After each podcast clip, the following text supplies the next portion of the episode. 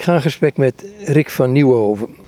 Het onderwerp Ruusbroek. En dan gaat het speciaal over de drievuldigheidsleer. En het gemene leven. Hoe Ruusbroek daarin staat, hoe hij daarover denkt. Maar wat mij intrigeerde, we zijn hier in Drongen op zo'n week, eh, lesweek mystieke eh, literatuur, dacht ik dat het heette. Jij doseert in Durham, dus je hebt een interesse in deze materie, om het zo te zeggen. Maar je hebt ook interesse in de scholastiek, las ik. Dus dat is een mystieke scholastiek een wat lastige combinatie, denk ik. Dat klopt, ja. Uh, eigenlijk vanaf 1300 Mhm. zien we een splitsing plaatsgrijpen tussen spiritualiteit en de scholastieke theologie, zoals ze aan de universiteiten bedreven wordt. Daarvoorheen had je nog auteurs die beide aspecten konden samenhouden. Bijvoorbeeld Sint Bonaventura, de grote Franciscaanse theoloog, uh, was zowel mystieker als academisch theoloog aan de Universiteit van Parijs. Hetzelfde geldt eigenlijk voor de grote Dominicaan, meester Eckhart, die mooie uh, preken heeft en geschriften heeft uh, die heel mystiek zijn. Maar anderzijds was, was hij ook hoogleraar aan, aan de Universiteit van uh, Parijs ook. Maar vanaf ja, het begin van de 14e eeuw begint, beginnen we een, een splitsing te zien tussen deze twee aspecten. En wordt spiritualiteit iets dat vaak op eigen benen probeert te staan zonder uh, een uh, link of connectie met uh, de theologie. En dat is eigenlijk niet gezond, want spiritualiteit heeft theologie nodig.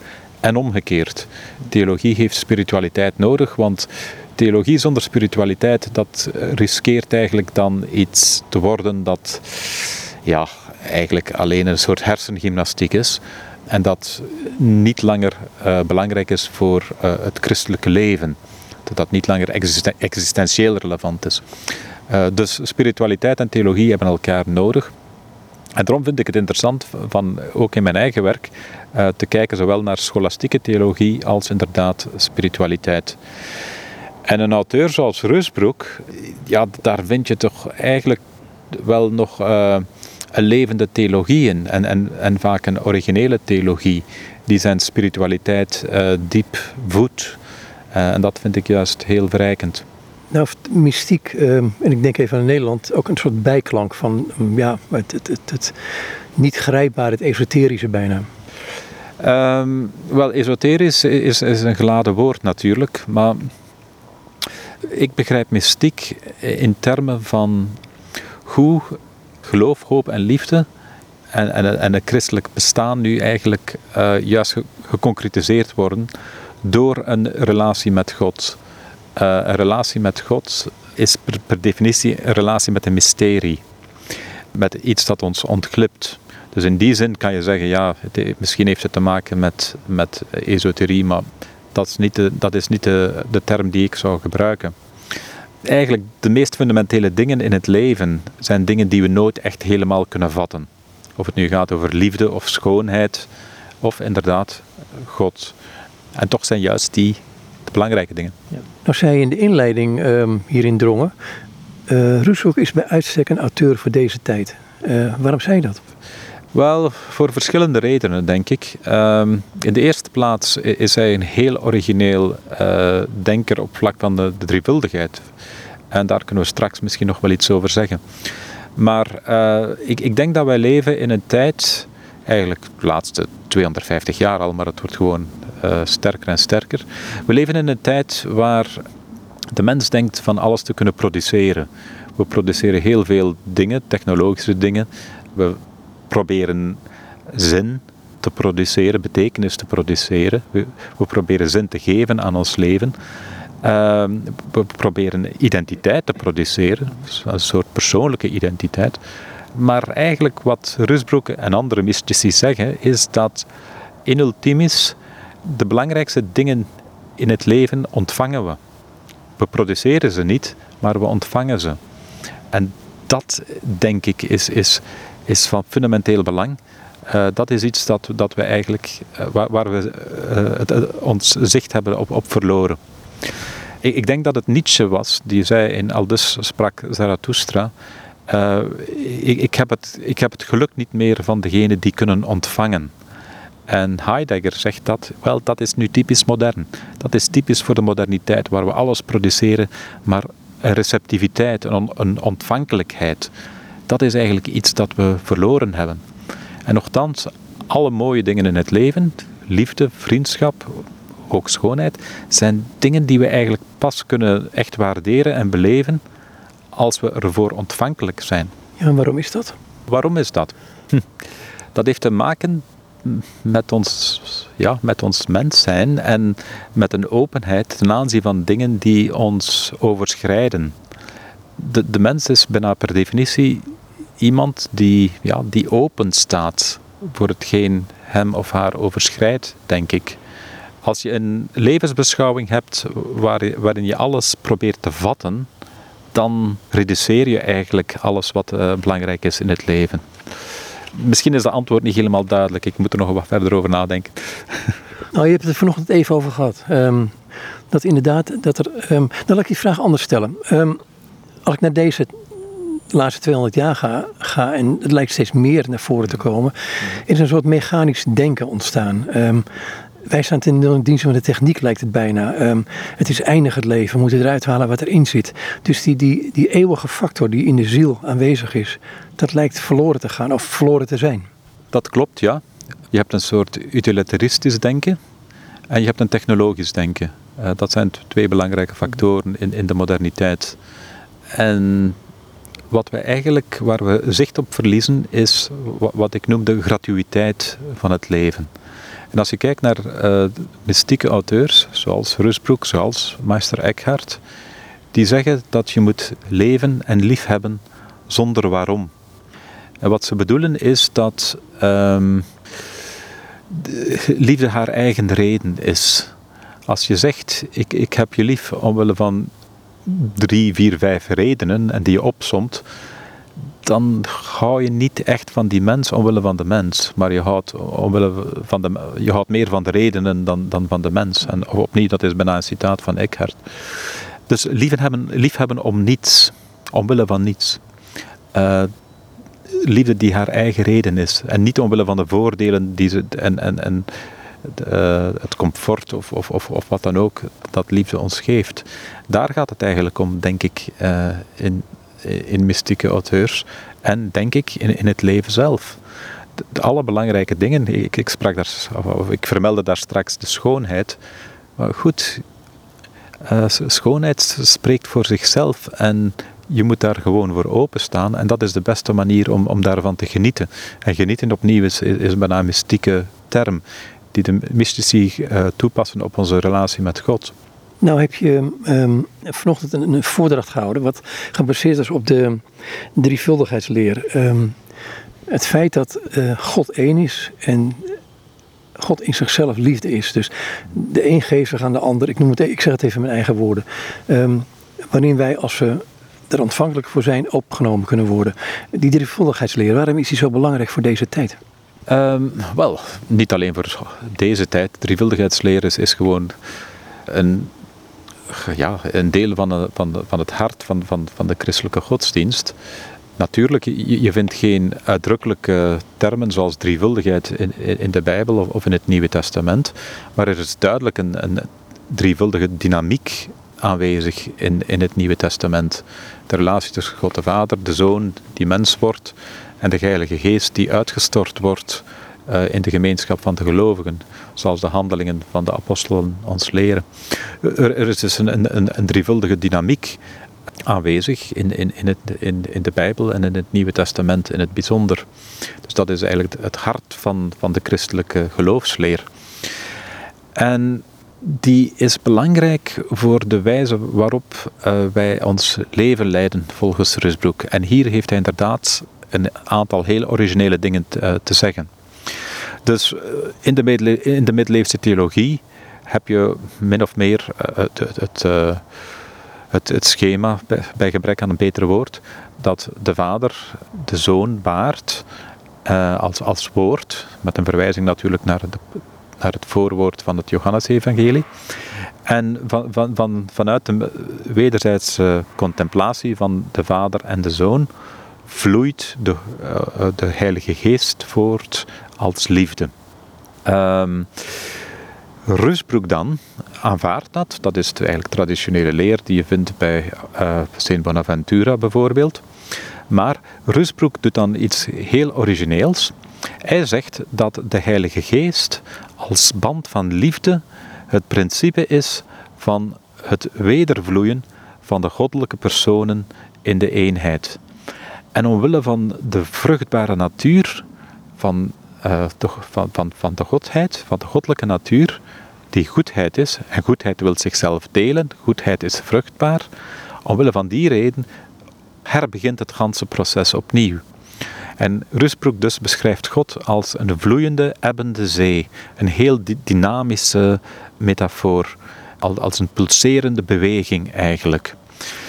Um, er, er, zijn eigenlijk drie dimensies, zoals Rusbroek het, uh, de triniteit of, of de drievuldigheid begrijpt. Er zijn drie dimensies. Er is een uitgaande beweging van het woord van de Vader en van de Heilige Geest van de Vader en de Zoon. Dus in het Latijn noemen we dat generatio en processio. Uh, dat is de eerste beweging.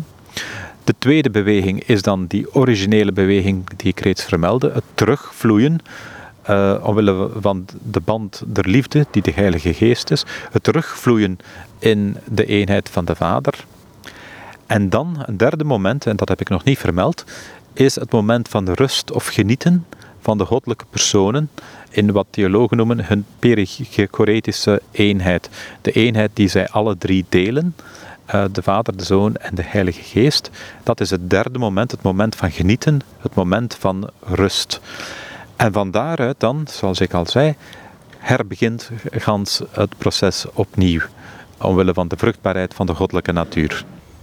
Die beweging die God maakt, um, dus die ebbende en die, die ebbende en vloeiende beweging, um, daar zeg je is het rustpunt, het genieten. Daar is nog een ander aspect aan, dat is het feit dat wij mensen zijn en daar toch bij betrokken raken. Hoe is dat gebeurd? Ja, dat is eigenlijk het, uh, het unieke opnieuw aan Anne Rusbroek is dat hij beschrijft hoe, hoe, die theologie van de drievuldigheid eigenlijk heel belangrijk is voor de wijze waarop uh, het christelijke leven eigenlijk uh, moet beleefd en geleefd worden. Uh, dus om eventjes te herhalen, we, we onderscheiden daar, daar, straks drie bewegingen. Het moment van het uitgaan van de Zoon en van de Heilige Geest van de Vader. Het moment van het terugvloeien. En ten derde het moment van de rust. En Rusbroek nu legt, legt de link met de manier waarop een, een christenmens zijn of haar leven moet leiden. Namelijk, er zijn drie dimensies, analoog. Uh, ten eerste, we moeten uitgaan in de wereld, in, in uh, het doen van uh, werken van liefde en, in, in, in. Dus dat is uitgaan, engagement, uitgaan in de wereld, zoals de goddelijke personen uitgaan van de Vader. Ten tweede is er het moment van inkeer. En dat uh, inkeer, interioriteit, innerlijkheid, devotie, gebed.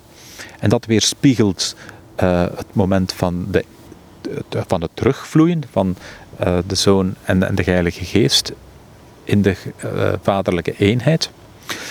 En ten derde is er het moment van genieten of rusten in God.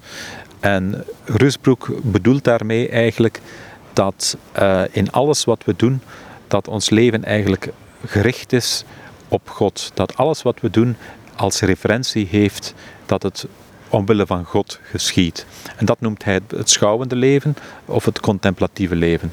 Dus we hebben drie levens uh, volgens Rusbroek. We hebben het actieve of werkende leven, uitgaan in de wereld. We hebben ten tweede een innig leven, een leven van inkeer. En ten derde we hebben, hebben we een contemplatief of schouwend leven.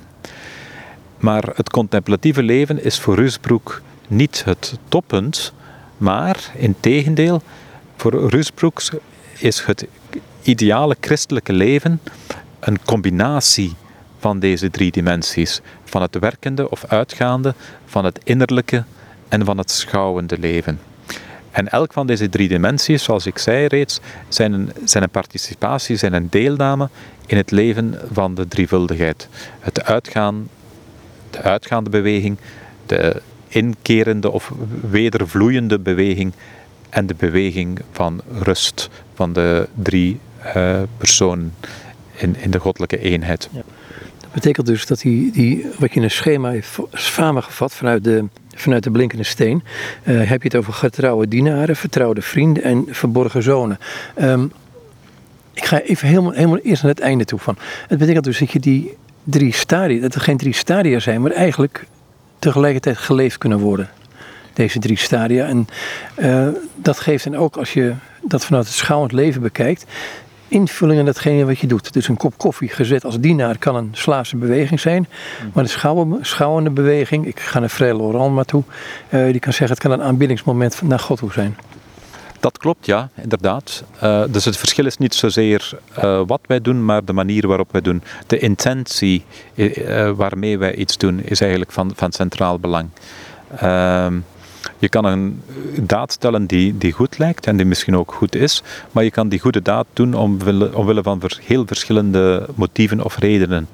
En wat de mystieke auteurs zeggen is, in ultimis moet je die daad stellen omwille van God. En eigenlijk is dat een vreemd ding om te zeggen, want in ultimis betekent dat dat je niet echt kan zeggen waarom je het doet. Want God is een mysterie die, die ons bestaan schraagt uh, en, en, en, en, omcirkelt, zo om zo te spreken, maar dat, dat we nooit kunnen vatten. En opnieuw, ik, ik denk dat dat eigenlijk tot het hart gaat van, van wat liefde is. Uh, als je iemand lief hebt, of het nu een mens is of, of God, als je iemand lief hebt, echt lief hebt, dan kan je daar in ultimis geen redenen voor geven. Uh, als je iemand lief hebt omwille van de troost die hij of zij jou brengt, of, of, of uh, omwille van het plezier of wat dan ook, dan misschien vind je de troost en, en het plezier belangrijker dan eigenlijk je vriend. Dus in ultimis houden we van iemand gewoon zonder ultieme reden. Uh, liefde is haar eigen reden, zoals de mystieke auteurs zouden zeggen. Uh, en ik denk dat dat echt heel belangrijk is, want dat creëert een soort houding van wat ik eerder noemde gratuïteit in onszelf. Uh, en dat staat haaks op een instrumentaliserende of utilitaire houding die vaak ons, uh, onze moderne maatschappij en onze moderne houding karakteriseert. Bijvoorbeeld in de, in, in, op maatschappelijk vlak is, de, is de, de, belangrijke vraag altijd wat brengt het op of uh, wat is het economisch belang hiervan. Zelfs het onderwijs bijvoorbeeld uh, wordt meer en meer gezien in termen van is het nuttig? Levert het iets op? Heeft het financieel belang? wat kan je ermee doen? en op die manier missen we eigenlijk, eigenlijk waar het leven om gaat. Want we reduceren alles tot nut. Maar daar gaat het in het leven niet om. Het gaat eerder om wat intrinsiek belangrijk is en waardevol.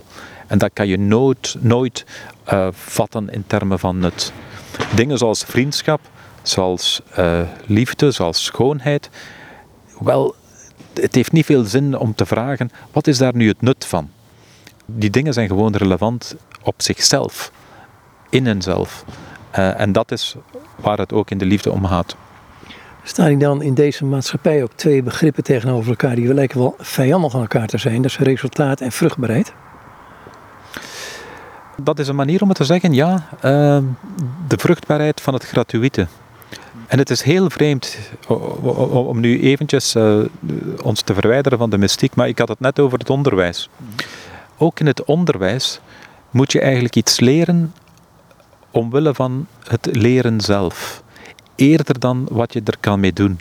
En als je op die manier leert, dan ga je veel meer uh, leren dan wanneer je leert omwille van wat je er kan mee doen. Bijvoorbeeld, als je iemand probeert wiskunde te leren en die persoon zegt, ja goed, ik wil alleen maar zoveel van die wiskunde leren, uh, in zoverre ik er iets kan mee doen bijvoorbeeld tellen of weet ik veel. Ja goed, die persoon gaat nooit echt goed wiskunde leren. Maar iemand die houdt van wiskunde omwille van de wiskunde zelf, ja, die zal uiteraard leren tellen, maar die zal nog veel meer kunnen doen met, met wiskunde. Met andere woorden, wat ik probeer te zeggen is dat de, de belangrijkste dingen in het leven zijn vaak dingen die we als we ze direct... Uh, hoe zal ik het zeggen in het Nederlands? Als we die, die direct proberen te vatten, dan missen we ze, dan, dan, dan, dan, dan, gaan, ze, dan gaan ze ons ont, ontglippen. Bijvoorbeeld, als ik uh, vriend ben met iemand omwille van de voordelen die die vriendschap mij zou kunnen opleveren, ja, dan ben ik geen vriend meer. Dan ben ik een soort social networker of zo. Maar anderzijds, als ik echt vriend ben met iemand, uh, omwille van de vriendschap, dan gaan de voordelen die met vriendschap gepaard gaan, zoals bijvoorbeeld wederzijdse steun enzovoort, die zal ik dan misschien wel krijgen. Maar die mogen niet de reden zijn waarom ik vriend ben. Dus de belangrijke dingen in het leven zijn dingen die we vaak niet kunnen krijgen of ontvangen als we ze proberen rechtstreeks te vatten. Eigenlijk geldt dat ook voor geluk. Je kan moeilijk zeggen van vanaf nu ben ik, ga ik proberen van gelukkig te zijn. Zo werkt het niet. Geluk komt tot jou als je iets doet waarin je vervulling vindt. En dan ga je gelukkig zijn. Maar als je direct, onmiddellijk geluk probeert te vatten, dan gaat het jou ontglippen. Ik moet denken aan wat je vanochtend zei over dat ehm, genieten in die rustpunt. Hè? Dat je op een gegeven moment heel begeerig naar voedsel kunt zijn. En er nooit genoeg van te kunnen hebben. Eigenlijk te veel kunt eten. Maar het begeerig zijn naar God, het heeft precies tegenovergestelde. Ja, dat, dat is opnieuw een mooie gedachte. Uh, die, die je vindt bij de mystieke auteurs. Niet alleen bij Rusbroek, maar dat gaat eigenlijk al terug op Gregorius van Nyssa, een, van de Griekse kerkvaders. Uh, en de eh, onderzoekers spreken hierbij, hierover bij epectasis. Dat, is een technische term, die doet er eigenlijk niet zoveel toe. Maar de gedachte is wel mooi. Inderdaad, als je eet, als je voedsel eet, dan kan je maar zoveel eten en dan ben je verzadigd. Maar als het over uh, God gaat, dan ligt dat anders. Hoe meer we van God uh, kunnen krijgen, tussen aanhalingstekens, hoe meer we God kunnen ontmoeten, hoe meer dat onze honger naar God groeit. Dus je, je hebt een dialectiek, een wisselwerking van verzadiging en, en honger.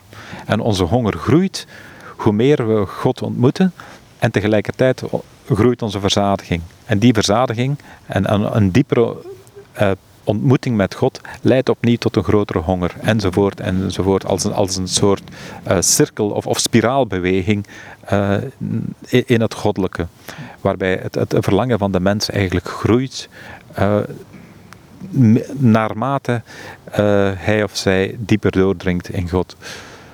Je noemt het een spiraalbeweging. Ik moet dan tegelijkertijd aan de drie-eenheid denken. Wel, in, er is iconografie van, van cirkels en, en uh, die inderdaad, of, of, of een driehoek soms, die verwijst naar, naar, de, naar de drievuldigheid. Dat klopt, ja. Ja. Maar de spiraalbeweging is natuurlijk vooral van toepassing op, op Rusbroeks uh, begrip van de drievuldigheid. Hij beschouwt God soms of beschrijft de drievuldigheid bijna als een draaikolk waarin we ons kunnen ja, verliezen. Uh, zonder dat we onze geschapenheid verliezen natuurlijk. Maar een, een moment van zelftranscendentie, als je wil. Waar we onze georiënteerdheid op onszelf en onze bezitterigheid, die bijna alles aantast wat, wat wij doen in het leven, uh, als we die kunnen laten gaan, dan kunnen we ons verliezen in God. Hij noemt het op een gegeven moment dat het nodig is dat wij onszelf overstijgen. Ja, dat, dat is een klassiek thema, hè? Uh, zelftranscendentie. Het, het, christendom is verschillend van het boeddhisme. Als we spreken van, op, dat, op dat vlak, als we spreken over zelftranscendentie, dan betekent dat niet dat het zelf en het verlangen moet vernietigd worden. Dat is eigenlijk de boeddhistische kijk op de, op de wereld. Uh, je, je moet het verlangen en het zelf teniet doen. En dan bereik je een, een, een staat van geluk of nirvana. Uh, het christendom zegt, nee, je moet, je moet het zelf behouden, maar het, het zelf moet georiënteerd zijn op God. Uh, dus het gaat niet om het uitwissen van zelf en het uitwissen van uh, verlangen, maar je verlangen moet geankerd zijn in God. En dat wijzigt de manier waarop we omgaan met onszelf, anderen en uiteraard met God zelf. We hebben het eerder gehad over die verschillende stadia van getrouwe dienaar, vertrouwde vrienden en verborgen zonen. Kun je stap voor stap mij meenemen wat, wat hij daarmee bedoelt met die getrouwe dienaar? Ik kan me er iets bij voorstellen, maar hij wijdt het nogal op een hele, um, ik vind het wel slimme manier uit, waarin je jezelf toch behoorlijk tegenkomt. Ja, dat, dat is eigenlijk een, een eh, deel van zijn klein traktaat uh, van de Blinkende Steen.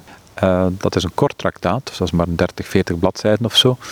In dat traktaat spreekt hij op een gegeven moment over trouwe dienaren, vertrouwde vrienden en verborgen zonen. De trouwe dienaren, dat zijn eigenlijk mensen die een actief werkend leven leiden. Zij beoefenen de deugd. Um, Dit is toch leuk, hè? Er komt dus een man met een kruiwagen bij die een stuk van een boom afgezaagd heeft. Ja, en we, we, hebben het net over het actieve leven. Dus ja, het is, is een actief leven van engagement, van, van eh, deugdbeoefening. Uh, en dat is een weerspiegeling dus van de eerste beweging uh, van de drievuldigheid waar, we het uh, daar straks over hadden. Dus uh, het, het, leven van uitgaan. Maar natuurlijk, je, je kan het, ik, ik, weet niet of het Nederlandse publiek die film kent, maar je kan een soort Pollyanna worden. Een soort do-gooder. en je kan je verliezen, in, bij wijze van spreken, in de goede dingen die je doet. En oké, de goede dingen... Het gaat niet helemaal wat hij wil, geloof ik we kunnen misschien kunnen we hem helpen. Nou, dit is gewoon leuk om naar te kijken, vind ik. Vind je niet? nee, ik denk dat wij moeten helpen. Wacht. pak, pak hem aan die andere kant. Pak hem aan die kant. Ja, oké. Oh.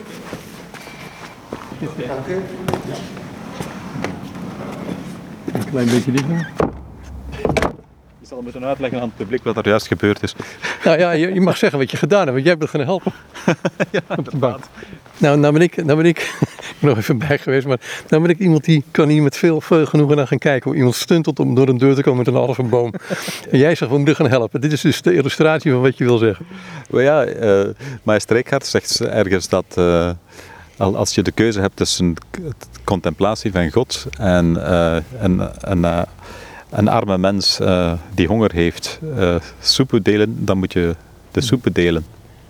Dat betekent niet natuurlijk dat uh, het actieve leven altijd meer zinvol is. Middeleeuwers zouden zeggen, het leven van contemplatie is intrinsiek meer zinvol, maar soms heeft het actieve leven prioriteit. en dat is iets totaal anders. Maar, op zich heeft het leven van contemplatie eigenlijk prioriteit in, in termen van zinvolheid. En opnieuw, dat is een gedachte die uh, heel uh, contracultureel is. Bijvoorbeeld in de moderniteit, als we denken aan de Franse Revolutie, het eerste, een van de eerste dingen die ze deden was uh, de, de abdijen afschaffen, want die mensen waren niet nuttig, die deden niets, althans dat was een visie. Ehm, dus in de moderniteit uh, verkiezen we vaak het, actieve leven, want dat is nuttig. Maar eigenlijk is dat opnieuw een, een verkeerde visie. Uh, de middeleeuwse visie zegt uh, het, leven van beschouwing, beschouwing van God, is eigenlijk intrinsiek meer zinvol. En dat, is, dat lijkt mij de juiste, de juiste visie. Want kijk bijvoorbeeld naar de hemel. In de hemel zullen we geen actief leven leiden. Uh, er, is ge, ge, geen nood om, om, om mensen uh, eten te geven die honger hebben en weet ik veel. Uh, maar we, zullen slechts God beschouwen. De, de visie van God. Een puur contemplatief leven in de, in de hemel. Wel, betekent dat, betekent dat dan dat het contemplatieve leven zinloos is of absurd? Natuurlijk niet. Dus wat, ik wil zeggen is eigenlijk dat het praktische leven, het werkende leven, in functie is van het, het, het, het, contemplatieve leven. Wat in ultimis gebaseerd is op, op een ontmoeting met, met God. Nu kun je bij die getrouwe dienaren en vertrouwde vrienden, verborgen zonen, bij eerste twee kun je nog zoiets denken van, hé, hey, dat, dat bouwt mijn ego toch behoorlijk op. Um, op een manier dat je denkt van, mm, is dat het wel? Ja, je, je, je gebruikt een, een, eh, een, interessante uitdrukking daar. Het bouwt mijn ego op. Uh, en inderdaad, ja, uh, als je goede zaken doet, dan, dan kan je daar een zekere bevrediging uithalen van hé, hey, wat ben ik wat ben ik toch een grote kerel of wat ben ik toch een, goede vent. Of heel bescheiden zeg je het niet, maar het laat je het wel even blijken subtiel. Ja, ja absoluut. Uh, dat, dat is op, opnieuw een uiting van zelfzuchtigheid. Uh, en die we eigenlijk moeten laten gaan. En hetzelfde geldt natuurlijk uh, niet alleen voor uh, het werkende leven, dus de eerste fase, maar ook voor het leven van de interioriteit, van innigheid. religie, godsdienst, kan eigenlijk een bron zijn van troost, van genot eigenlijk. Ehm, die opnieuw een, een, een, een bron kan zijn van, van uh, ja, hoe zal ik het zeggen, uh, aanhangen of, uh, in het Engels attachment, aan, aan vastzitten eigenlijk, ja. En op, opnieuw, dat is iets dat we moeten laten gaan. En dat is eigenlijk de derde fase van het, van het schouwende leven, waar we eigenlijk God liefhebben omwille van niets, omwille van God zelf. Waar we alle referenties naar het eigen zelf laten varen. Dus het, het zelf bestaat nog, maar de zelfzuchtigheid die het zelf al te vaak karakteriseert, daar moeten we vanaf. En daar gaat het eigenlijk om, denk ik, in, in het mystieke leven. Uh, en dan he, hebben we een complete ontvankelijkheid ten aanzien van God. Is het dan zo, en dit is een linker wat ik nu zeg, besef ik, um, dat degene die zin aan mijn leven geeft, God alleen is? In ultimis ja. Ik, ik geloof dat. Uh, als je niet gelooft, als je, als je atheïst bent of agnosticus, natuurlijk zijn er vele dingen die, die je leven zin geven. Misschien heb je een gezin, misschien heb je een beroep en die dingen zijn belangrijk. Uh, ik, ik, ik, ik wil die niet denigreren. Maar in ultimis, uiteindelijk, worden we allemaal geconfronteerd met verhankelijkheid en dood. Um, en het, het, is een beetje alleen om, om, om een eenvoudige analogie te gebruiken. Als, als een kind tekeningen maakt. Uh, en het, het, kind geniet daar wel van. Maar laat ons zeggen dat er iemand binnenkomt en dan de tekening verscheurt. En dan het kind begint opnieuw met een nieuwe tekening. En opnieuw wordt het gescheurd, enzovoort, enzovoort. Op duur gaat het kind wellicht ophouden met, met te tekenen. Want het, het, het gaat allemaal kapot. Het, wordt allemaal vernietigd. Wel, ik denk eigenlijk... Uh, we kunnen leven op de oppervlakte, bij wijze van spreken. En we kunnen inderdaad zin vinden in, in, in ons gezin, in, in ons beroep en weet ik veel. En die dingen zijn belangrijk. Maar in ultimis hangt de schaduw van de verhankelijkheid en van de dood over al die dingen. En als je dat durft onder ogen te zien, als je de moed hebt om, om dat onder ogen te zien, ja, dan zijn er denk ik twee mogelijkheden. Ofwel wanhoop en escapisme, ofwel denk ik, in ultimis eh, aanvaarden dat er een dat God uh, bestaat en dat al wat wij doen een deel uitmaakt van Gods plan en zal blijven leven in, in, in Gods herinnering, bij wijze van spreken. Dat is natuurlijk maar een metafoor. Uh, dus in ultimis denk ik dat het, het christelijk geloof inderdaad een, een belangrijke bron is van, van zingeving. Of ik zou moeten zeggen van zinkrijging, omdat het opnieuw is, iets is dat we ontvangen. Die weg van, van werkende dienaar, um, je bent druk, druk, druk bezig. Um, hoe kom je tot het punt van, om het ik ga even een hele, hele snelle maken, um, van die werkende dienaar naar die uh, vertrouwde vriend, naar die uh, schouwende, of die geliefde zoon, of die verborgen zoon want het, het, werken kan op een gegeven moment kan ik enorm tegen gaan zitten en tegen gaan zitten. Moet je dat traject naar het perceel lopen dan om tot die ontdekking te komen? Um, ja, ik denk eigenlijk dat uh, er verschillende visies hierop zijn. Thomas van Aquino bijvoorbeeld, als hij over contemplatie spreekt, wat voor Rusbroek dus de derde dimensie is, die zegt, die zegt ja, dat hangt eigenlijk een klein beetje af van je temperament. Er zijn sommige mensen die meer geneigd zijn tot contemplatie, er zijn andere mensen die meer geneigd zijn tot een werkend leven, een actief leven. En dat lijkt mij eigenlijk wel juist. Uh, dus ik, ik, ik, ik zou het niet te zeer in, in soort of schuifjes willen, willen zien, maar uh, de visie die erachter zit, denk ik, is, is juist. Namelijk dat een, een puur werkend leven in ultimis is niet uh, bevredigend. Je kan je echt verliezen in, in een leven van uh, actieve goeddoenerij. En ik wil dat niet denigreren, want dat is verschrikkelijk belangrijk. Uh, er, zijn er, zijn meer dan genoeg noden in het leven, in, in, de wereld. Dus het is van fundamenteel belang, inderdaad, van een werkend leven te leiden. Maar uiteindelijk, hoe belangrijk dat ook is, daar kan het uh, in ultimis niet omgaan. Want dat zou eigenlijk betekenen, als ons leven in ultimis gaat om, over het uh, verlossen van de noden van andere mensen, dan zou dat betekenen dat we andere mensen nodig hebben om in nood te zijn. Dus met, met andere woorden, het, het zou bijna nodig zijn dat andere mensen behoeften hebben die wij dan kunnen bevredigen en, bevullen, en, en, vervullen. Dat is eigenlijk de, de logische presuppositie wanneer je beweert dat het in het leven om het actieve leven gaat. En dat, dat is duidelijk denigrerend en, en, en, reducerend. Dus ik, ik denk dat de middeleeuwse auteurs gelijk hebben, en de patristieken ook trouwens, de, de, kerkvaders, die zeggen net hetzelfde.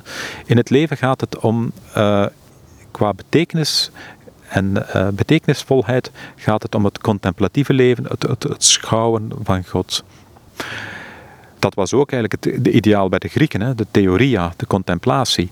En het christendom heeft dat ideaal dan wel genuanceerd omwille van de, de wet van de naaste liefde uh, en het doen van goed uh, en het, helpen van de medemens in, in het Nieuwe Testament. En dat leidde dan tot de vita mixta, een gemengd leven, waarbij je facetten hebt van het actieve en het, en het schouwende leven. En Rusbroek is daar natuurlijk een voorbeeld van. zijn ideaal van het gemene leven, dat de drie facetten combineert, van werkend leven en innerlijk leven en schouwend leven, is een variatie van het vita mixta, van het gemengde leven, waar, uh, actieve, uh, waar activiteit van goed doen gecombineerd wordt met het, het schouwen van God. Kun je misschien gewoon tot, tot slot gewoon een stukje lezen nog uit um, een van zijn stukjes? Want je hebt vanochtend een aantal stukken voorgelezen. Op het moment dat je hem begint voor te lezen, heb ik het idee dat ik naast een man zit en denk ik van oei. Ik zal iets voorlezen, voorlezen uit uh, de geestelijke bruiloft, waar Husbroek spreekt over de eenvuldige mening. Dat is eigenlijk een hele mooie gedachte.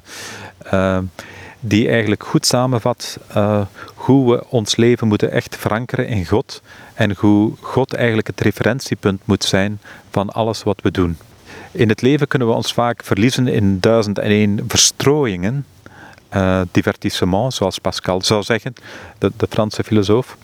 Maar wij moeten ons leven verankeren in God door een eenvuldige mening. En uh, ik, ik lees nu even voor.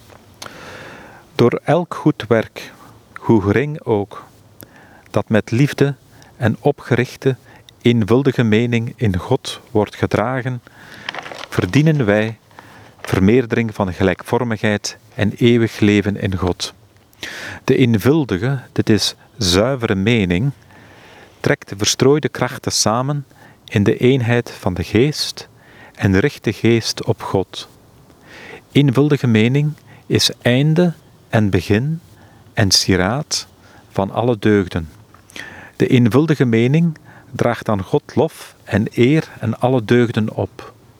Zij gaat aan zichzelf en alle hemelen en alle dingen voorbij, en doet ons God vinden in de eenvuldige grond van onszelf.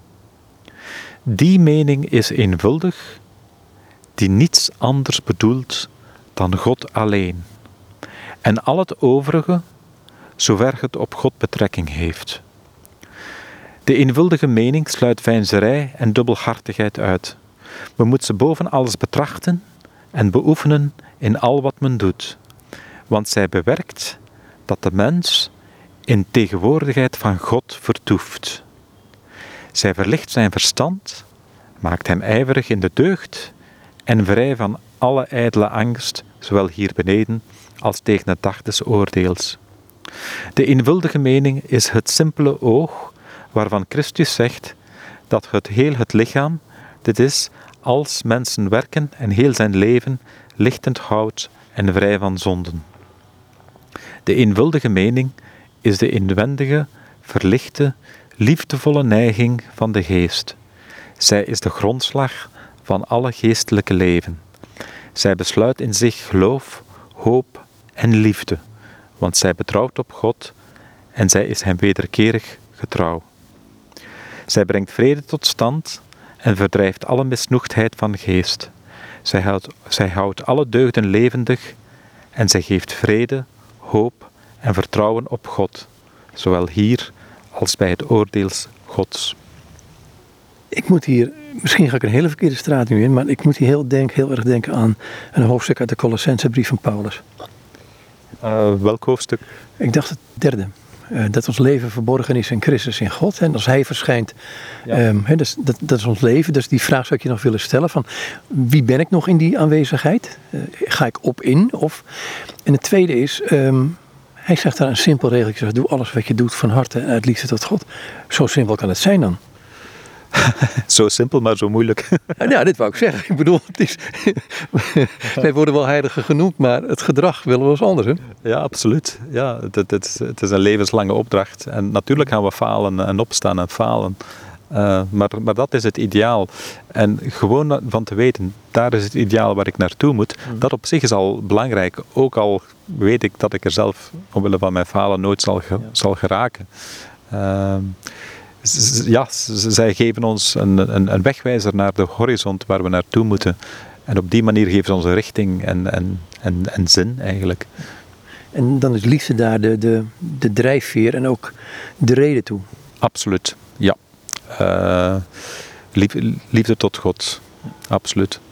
Nog één vraag die ik net uh, in het Colossense stukje zat. Van als Christus verschijnt die mijn leven is. Um, hoe moet ik dat zien in deze context? Want, want je kunt heel makkelijk met mystiek denken van ik, ik ga straks op in de godheid en uh, uh, nou jij met Rick, ik ben Joop, we zijn er niet meer. Um, een van de dingen die ik aantrekkelijk vind aan Rusbroek is dat hij duidelijk zegt een geschapen vat kan geen ongeschapen goed bevatten. dat, dat is een bijna letterlijk citaat. Dus Rusbroek benadrukt dat wij onze geschapenheid nooit kunnen verliezen. Wij worden nooit God op een ontologische manier. Maar wij kunnen wel vergoddelijkt worden, tussen aanhalingstekens, door geloof, hoop en liefde. Dus wij behouden onze, onze geschapenheid, maar wij hebben in het midden van ons bestaan, als geschapen wezens, een oriëntatie, een, een, een, een richting op God. En daar draait het uh, volgens Rusbroek in het leven om. En dat is wat ik, wat ik zo aantrekkelijk vind. Hij, hij, hij, laat geschapen dingen geschapen zijn en God God. En toch is er een relatie tussen de twee, zonder dat wij onze geschapenheid verliezen. Ik blijf het even mijn favoriete tekst te vinden, moet ik zeggen hoor. Als Christus die mijn leven is, verschijnt. Dus niet zal zijn mijn leven zoals, maar hij is het nu al. Ja. En ik kan er niet bij ja, ja, akkoord. En in het citaat hier dat ik daar straks gelezen heb, zegt Rusbroek dat wij in de tegenwoordigheid van God verblijven door de zuivere mening. En dat, dat vind ik op, opnieuw een, een hele mooie gedachte. En dat kan natuurlijk alleen maar door Christus. Uh, ja, hij schrijft hier, want zij bewerkt dat de mens in tegenwoordigheid van God vertoeft. Dus door geloof, hoop en, en liefde en het volgen van Christus uh, in een leven van deugd en liefde, vertoeven wij in, in de aanwezigheid van God, ondanks het feit dat God, dat God God is en wij slechts geschapen wezens zijn, uh, kunnen we toch in de aanwezigheid van God vertoeven en zijn we nooit echt helemaal alleen. Zelfs nu niet met z'n tweeën op dit bankje. Zeker nu niet, met de twee op het bankje. nee, maar ik bedoel, het is, het is dus, uh, hij is mijn leven nu, hij is die aanwezigheid, is er nu. Uh, of ik het nou voel of niet, daar gaat het helemaal niet om. Maar het gaat om het geloof en het vertrouwen. Absoluut. En uh, opnieuw, een van de dingen waar Rutsbroek voor, voor waarschuwt is, we mogen religie niet herleiden tot gevoelens van, van troost en, en, en ja, van ik, ik, ik voel mij goed, want ik heb, ik heb God. Allee, het christendom is, is geen happy pill als je christen wordt, ga je misschien een diepteblik verwerven op de wereld. Ga je dingen zien die andere mensen misschien niet kunnen zien. Want je ziet eigenlijk het mysterie van, het, van God uh, aanwezig in onze wereld. Maar het betekent niet noodzakelijk dat je da daarom gelukkiger bent in, in een soort oppervlakkige betekenis van het woord. Ik denk aan een boekje van de Duits-Koreaanse filosoof Han, heet hij, meen ik. Die palliatief gezelschap. Het is in Nederlands uitgegeven, de palliatiefmaatschappij. Van we hebben een zekere soort sedatie, lijkt het wel nodig tegenwoordig. om maar gelukkig te kunnen zijn, om maar te kunnen leven. En het lijden niet meer te kunnen ja, omarmen. En dat is een van de dingen die, die Rusbroek, waar Rusbroek tegen waarschuwt. Als hij het heeft over de tweede dimensie, het, het, leven van interioriteit en innigheid. En eigenlijk wat hij zegt is, ja, je moet opletten mensen. Ja, interioriteit is goed, maar dat kan opnieuw een bron worden van uh, ja, attachment, dus al, al, al te afhankelijkheid en, en aan, aanhanging. Uh, terwijl we ons moeten richten niet op de troost van, van die religie soms kan brengen, maar op God. Zekere moed voor nodig in deze maatschappij. Het is diep, uh, hoe zegt men dat in het Nederlands, contracultureel. Ja, ja, absoluut. En juist daarom is hij zo belangrijk, vind ik. Dacht ik ook. Hey, dankjewel voor dit gesprek. Hartelijk dank. En dit zei Rick van Nieuwenhoven. En met hem was ik in gesprek over Roek, de drievuldigheidsleer en het gemene leven. Toch nog een vraag over, voor ik uh, echt dag zeg. Um, wat is dat gemene leven? Want wat ik vanochtend begreep is dat eigenlijk het normale christelijk leven uit iedereen kan leven. Tot op, ja, tot, tot, in de verschillende graden, absoluut. Dus het gemene leven is eigenlijk de combinatie van uh, het actieve of werkende leven, het innerlijke leven van interioriteit en het schouwende leven. Dus zoals eerder gezegd, het ideaal voor Rusbroek is niet het contemplatieve leven, maar een combinatie van het werkende leven, innige leven en het schouwende leven. En dat noemt hij het gemene leven. En gemeen in deze context betekent eigenlijk iets zoals universeel of uh, het, Griekse woord voor universeel is natuurlijk uh, katholikos, dus het, het, katholieke leven, het universele leven. Gemeen betekent ook in, in Middel-Nederlands gewoon. Dus het, het gemene leven is eigenlijk ook het gewone leven. Dus met andere woorden, iemand die uh, een diep geloof en liefde en, en, en, hoop heeft, wel, dat, dat staat niet op zijn gezicht geschreven. Uh, het, is, het, is, het is niet uh, zonneklaar. Interioriteit is iets dat, dat, ja, dat zich niet noodzakelijk openbaart op, op, op een evidente wijze. Uh, maar het verandert en transformeert totaal de manier waarop je je verhoudt tot jezelf, tot andere mensen en uiteraard tot God. Dus het, uh, het is voor de bakker op de hoek en niet alleen voor een monnik in, de, in het klooster? Absoluut. Uh, Rusbroek heeft brieven geschreven voor leken. Hij heeft brieven gericht aan uh, Franciscaanse novice, een, een, non, maar ook aan leden die, van, van, aan, aan mensen die in, in de wereld stonden. Daar gaan we nu echt mee op. Hey, dankjewel. Oké, okay, hartelijk dank. En nogmaals, dit zei Rick van Nieuwenhoven. Met hem was ik in gesprek over Rusbroek. De drievuldigheidsleer en het gemene leven. Rick is trouwens professor middeleeuwse theologie aan de Universiteit van Durham in Engeland. Goed, nogmaals dus tot zover dit gesprek met Rick van Nieuwenhoven.